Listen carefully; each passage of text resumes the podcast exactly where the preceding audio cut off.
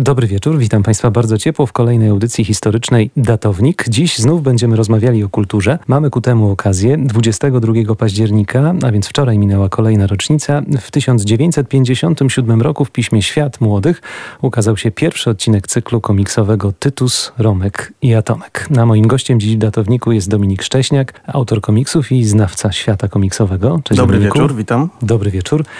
Powiedzmy na początku e, o samej biografii, bo to biografia niezwykła. W tym roku autor skończył ile? 90? 97 lat. 7 lat. Popularnie nazywany Papcio Chmielem, ale to oczywiście mowa o Henryku Jerzym Chmielewskim. Dokładnie i warto zaznaczyć, że Henryk Jerzy Chmielewski, czyli popularny Papcio, był również e, bohaterem e, tego komiksu. Papcio urodził się 7 czerwca 1923 roku w Warszawie i kilka miesięcy temu 97-latek na urodziny dostał m.in. tort, po którym ponoć oniemiał, e, bowiem na tym torcie znaleźli się jego trzej sympatyczni bohaterowie i Chmielewski stanął przed dylematem, czy ma ich zjeść, czy ocalić.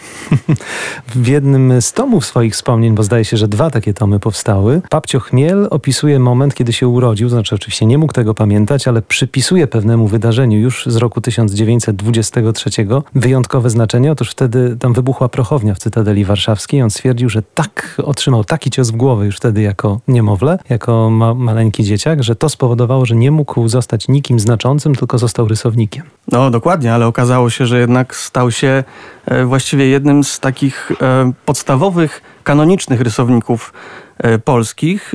Jest wymieniany właściwie jednym tchem razem z Bogusławem Polchem, Jerzym Wrublewskim, Januszem Christą, Tadeuszem Baranowskim. Tak więc to są takie właściwie podwaliny polskiego komiksu, już można powiedzieć współczesnego.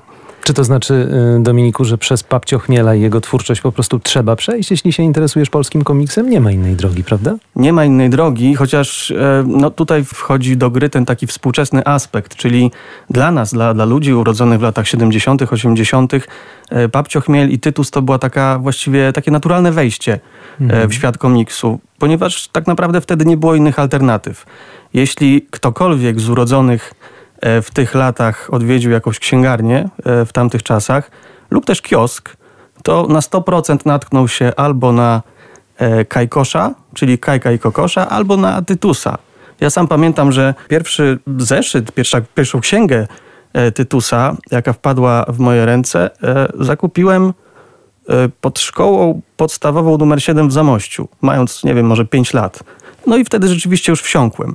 I myślę, że wielu E, twórców czy czytelników e, z mojego rocznika miało podobną drogę. Najpierw był oczywiście cykl w świecie młodych, chociaż jeszcze musimy wspomnieć, że zanim do świata młodych Papcio Chmiel trafił, no to też miał dosyć dramatyczne losy, jak zresztą większość Polaków w tamtym okresie, bo na początku września 1939 on wyjeżdża zresztą do Łukowa, jeśli dobrze pamiętam, natomiast w 1944 roku walczy już w powstaniu, bo od 1943 roku jest członkiem Armii Krajowej.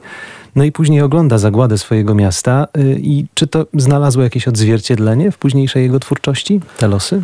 E, tak, znalazło, znalazło. Papcio Chmiel wielokrotnie nawiązywał do, e, do powstania e, warszawskiego. On właściwie w marcu 1943 roku został żołnierzem e, Armii Krajowej i otrzymał pseudonim Jupiter. E, I nawiązywał do tych swoich historii wielokrotnie, natomiast 1 sierpnia dostał się do niewoli, dalej już nie walczył, e, więc mm, te historie były również oparte o relacje jego znajomych lub też świadków tych wydarzeń.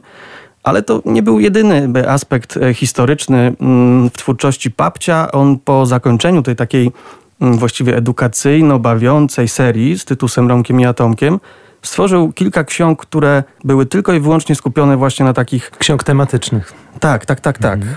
E, I tutaj na przykład Tytus Romek i Atomek jako warszawscy powstańcy 1944 roku, o czym już mówiliśmy, ale też um, uczestnicy Bitwy Warszawskiej 1920, e, czy też nawet sięgając głębiej, Bitwy Grunwaldzkiej, e, odsieczy wiedeńskiej, wojny o niepodległość Ameryki.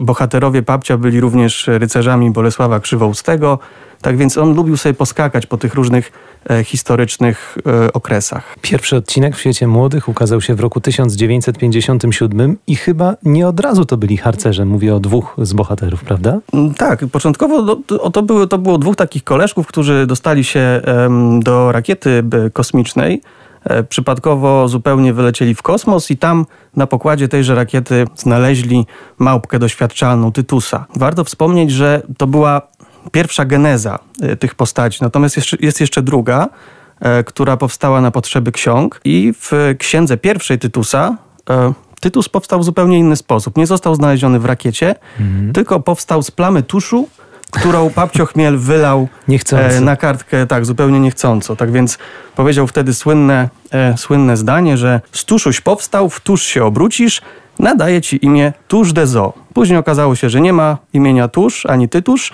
mhm. więc e, padło na Tytusa. Najpierw e, czytelnicy, fani mogli się zapoznawać tylko dzięki kolejnym wydaniom gazety, ale od 66 już mieliśmy tomy, tak? Dokładnie, tak. To były te księgi, wedle słynnej dewizy bawiąc e, uczyły, ucząc bawiły. Tytus był tam przede wszystkim harcerzem, ale też kosmonautą, kowbojem, podróżnikiem, olimpijczykiem, geologiem, dziennikarzem, aktorem, a nawet kibicem. Oczywiście przed Euro e, w 2008 roku e, i wchodził w tę rolę w ramach dewizy Bawiąc uczy, o której wspomniałem i poszczególne tytusowe księgi naszpikowane są zapadającymi w pamięć sentencjami, z których niektóre trafiły nawet do powszechnego obiegu. E, Tytus uczył się jeździć na mechanicznym pojeździe Rosalia, podróżował na wyspy nonsensu, poprawiał dwóje z geografii Polski. I tej serii towarzyszyły niesamowite pojazdy wymyślane przez profesora Talenta, czyli jednego z drugoplanowych, ale bardzo ważnych bohaterów tej historii. E, były to takie pojazdy jak wannolot, trombolot, młynkolot, bąkolot, wideo bzikolot i także tu muszę odczytać, to jest kapustogrocholot, który towarzyszył bohaterom w wyprawie po owoce chichotu w księdze 30. To może oznaczać tylko jedno, że jednak na przestrzeni lat, no to jest szmat lat od roku 1957, jednak Papcio Chmiel się inspirował tym, co przynosiła rzeczywistość bieżąca, wszystkimi wynalazkami techniki na przykład.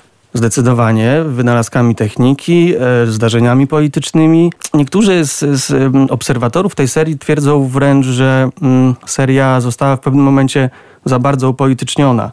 E, I oczywiście zawsze jest tak, że fani mówią, w którym momencie powinna seria zostać zakończona.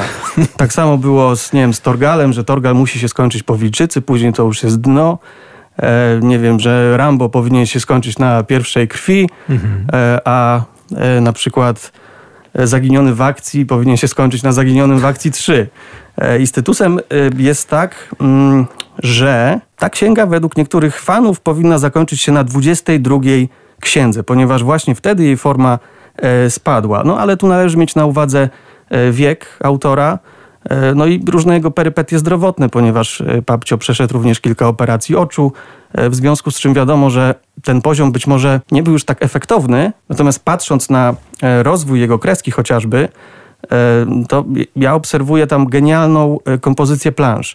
Jest takie specyficzne kadrowanie, charakterystyczne tylko dla Papcia Chmiela, mm, które tak naprawdę stanowiło inspirację następnie dla wielu twórców. I już mniej więcej od połowy lat 90. możemy obserwować w nurcie komiksu polskiego, czy też komiksu podziemnego, wiele nawiązań do tej serii. Powstało nawet kilka albumów takich czysto parodystycznych, w których Tytus miał na, na przykład na imię Tyfus.